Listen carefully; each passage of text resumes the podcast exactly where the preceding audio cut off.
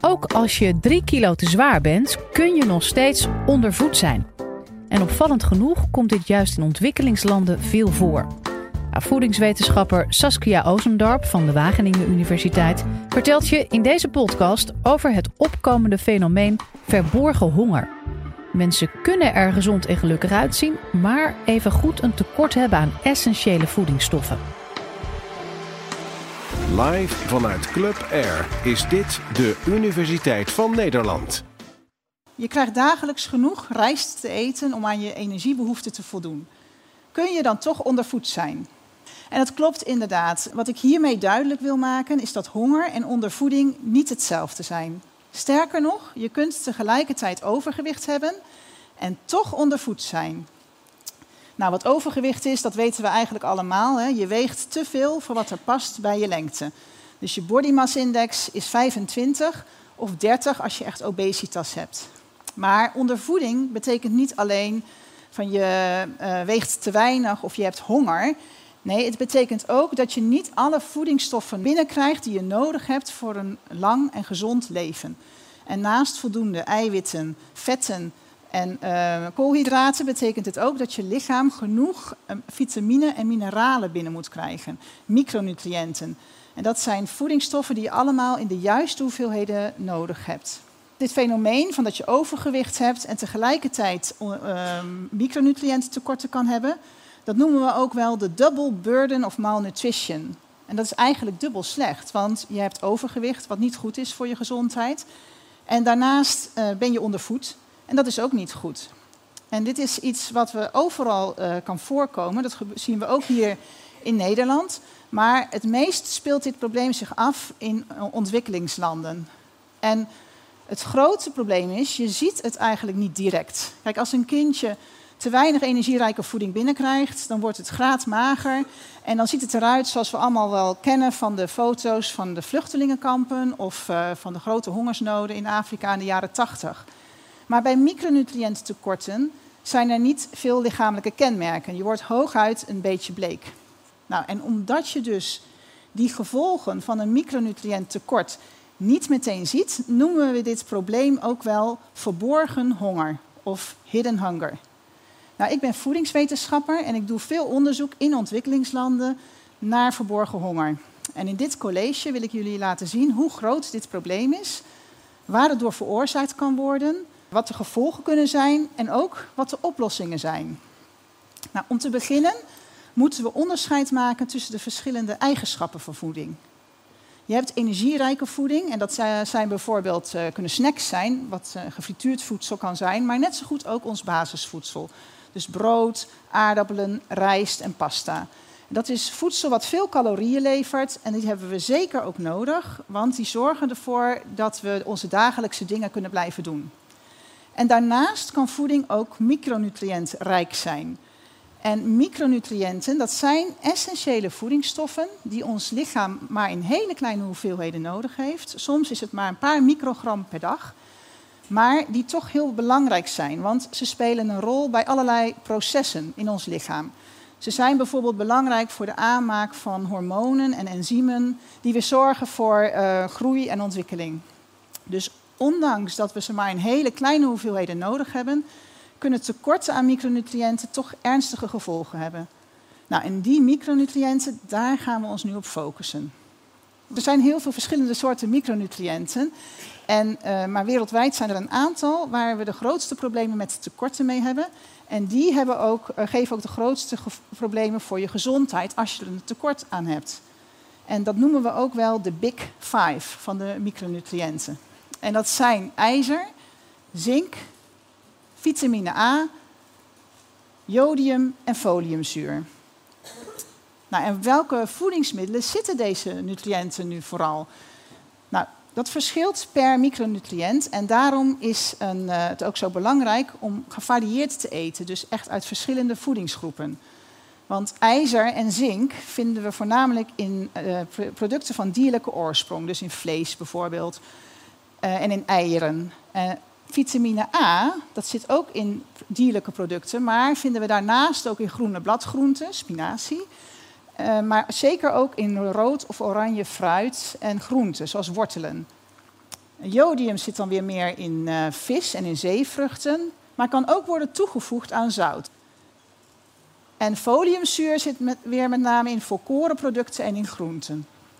Nou, en doordat ze dus in zoveel verschillende voedingsmiddelen zitten, kunnen tekorten aan micronutriënten ook voorkomen hier bij volwassenen uh, of kinderen die een te eenzijdig dieet volgen. Bijvoorbeeld veganisten, die moeten echt oppassen dat ze geen tekorten krijgen aan vitamine B12 of aan ijzer of aan calcium als ze naast hun voeding niet ook nog supplementen nemen. Vaak is er niet sprake van één micronutriënttekort, maar van meerdere tekorten. Zo eh, speelt ijzer een belangrijke rol bij de opbouw van hemoglobine. En hemoglobine zorgt voor het transport van zuurstof in je bloed. En daarnaast is ijzer belangrijk uh, voor de ontwikkeling en de groei van de hersenen. Zink is belangrijk tijdens, voor de groei van jonge kinderen en daarnaast voor het goed functioneren van je immuunsysteem. En zink kan ook helpen om diarree te verminderen. En dat is, wordt ook toegeschreven aan jonge kinderen bij, met diarree, wat in ontwikkelingslanden nog steeds een van de grootste killers is voor onder jonge kinderen. Vitamine A is belangrijk uh, voor het uh, immuunsysteem ook, maar daarnaast ook uh, voor een gezonde huid en voor je ogen. En een tekort aan vitamine A kan dan ook blindheid veroorzaken. Jodium is cruciaal voor de mentale ontwikkeling. En foliumzuur is weer met name van belang tijdens de vroege zwangerschap, wanneer de belangrijke organen en het centrale zenuwstelsel worden aangelegd. Een tekort aan foliumzuur in die periode kan dan ook een kind opleveren met een open ruggetje. En dat is ook de reden waarom hier in Nederland vrouwen wordt aangeraden om vlak voor en aan het begin van de zwangerschap extra foliumzuur te slikken. Nou, deze micronutriënten zijn en blijven eigenlijk belangrijk tijdens ons gehele leven, maar ze zijn van het allergrootste belang tijdens het vroege leven. En uh, dat is wanneer de meeste groei en ontwikkeling plaatsvindt. Nou, daarom is het ook zo belangrijk dat uh, vrouwen tijdens de zwangerschap en baby's en jonge kinderen extra veel micronutriënten uit hun voeding kunnen halen. Maar dat is ook wel een uitdaging, want de maaginhoud van een babytje van zes of acht maanden is echt maar heel klein en kan maar weinig voeding bevatten. En dat kleine beetje eten wat ze tot zich kunnen nemen, moet wel voldoende micronutriënten bevatten. Nou, dat weten we eigenlijk hier in Nederland ook wel. En daarom hebben wij ook potjes met babyvoeding die verrijkt zijn met micronutriënten. Nou, ik had jullie al eerder verteld dat het probleem echt overal voorkomt, maar het is met name uh, in ontwikkelingslanden echt een ernstig probleem. En uh, dat bestaat al veel langer, maar de laatste tijd verandert dit probleem daar enorm. En dat komt door de economische groei die sommige van die landen doormaken. En je zou denken, economische groei, dat is toch goed voor die landen? En dat is natuurlijk ook wel zo. Alleen het probleem van micronutriëntentekorten wordt er niet meteen mee opgelost. En dat heeft eigenlijk twee oorzaken. Ten eerste betekent het niet meteen dat er ook betaalbare en betere voeding beschikbaar is meteen voor de, voor de mensen. Wat er gebeurt is bij economische groei trekken er steeds meer mensen van het platteland naar de steden, waar de meeste banen zijn.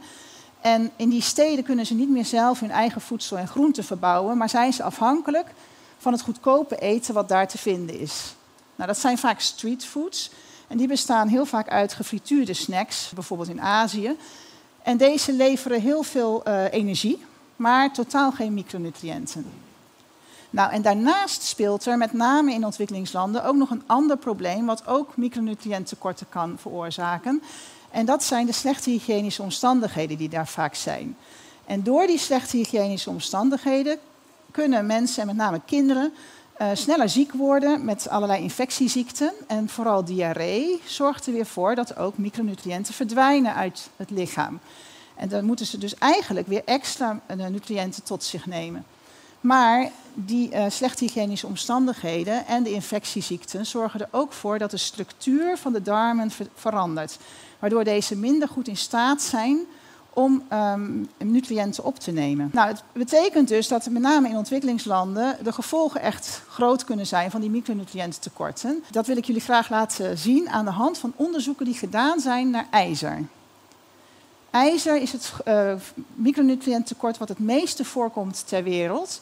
En naast dat het belangrijk is voor de opbouw van hemoglobine, speelt het ook, uh, wat belangrijk is voor het transport van zuurstof in je bloed, speelt het ook uh, een grote rol bij de aanleg en het functioneren van de hersenen.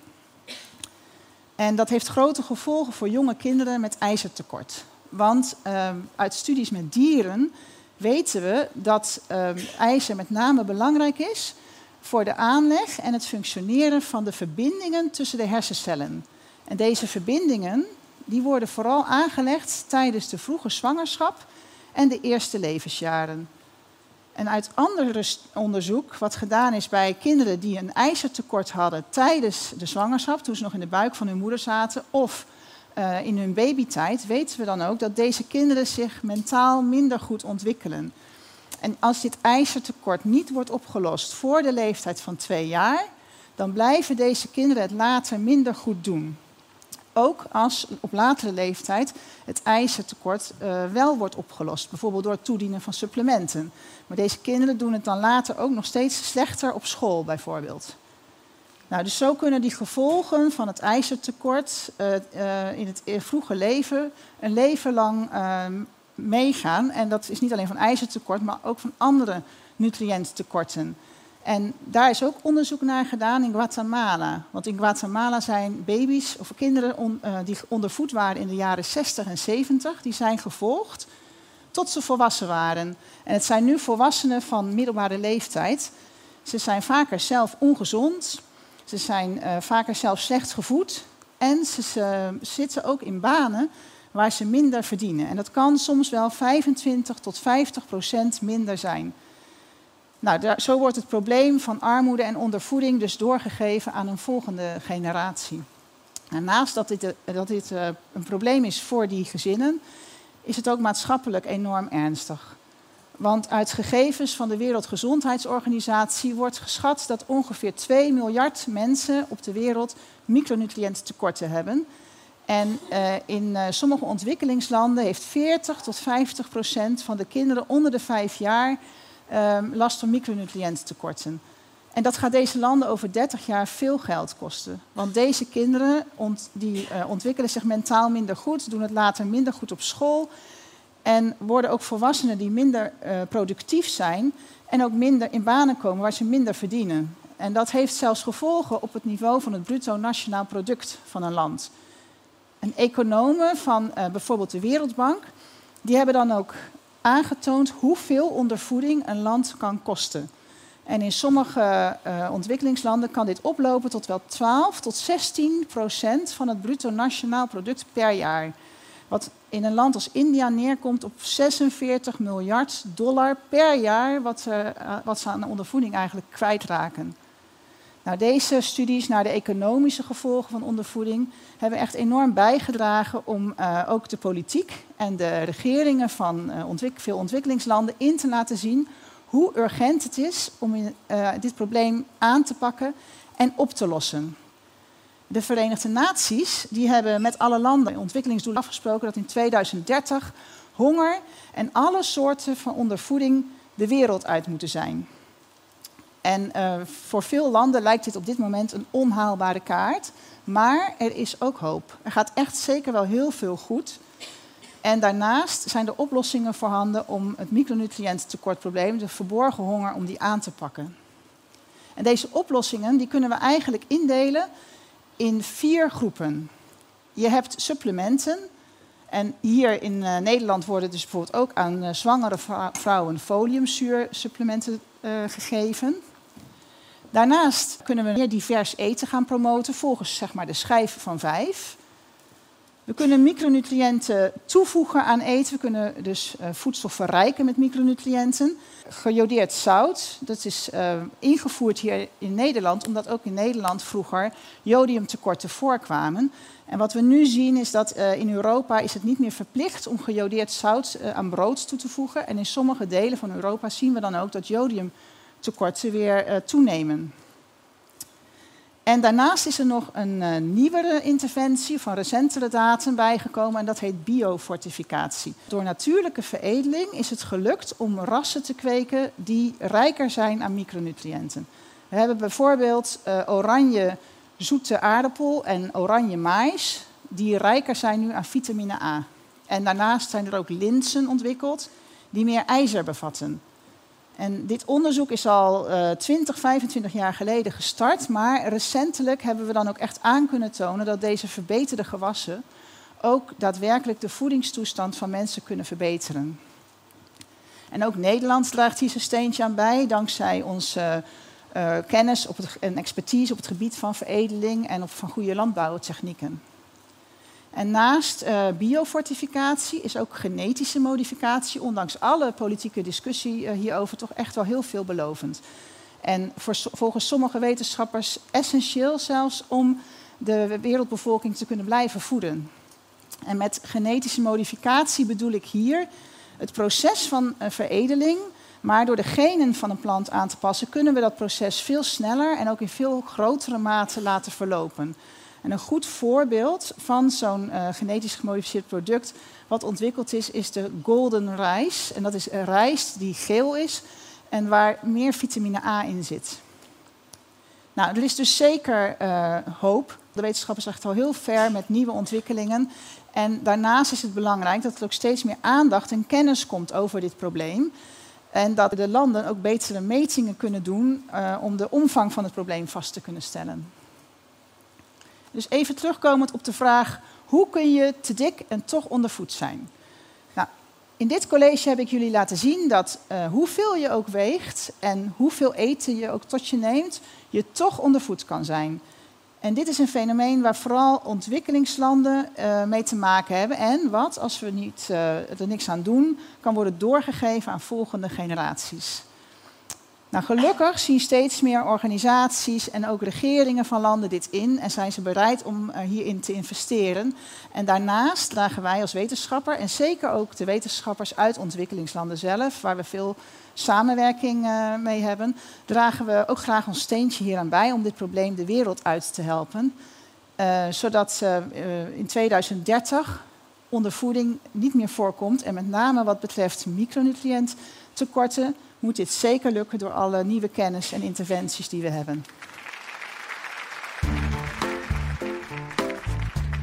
Heeft deze podcast je nou geprikkeld om meer te weten te komen over de wetenschappelijke wereld? Maak je borst dan maar nat, want de Universiteit van Nederland komt met een nieuwe podcast genaamd Lableven. Deze zomer reizen we door heel het land om 14 unieke laboratoria van 14 verschillende universiteiten te bezoeken. Iedere woensdag hoor je de ins en outs van wat er speelt in het lab. Maar ook wie de wetenschapper achter het onderzoek is. Want wetenschappers zijn tenslotte ook maar gewoon mensen. We luisteren nu onze nieuwe podcast Lab Leven.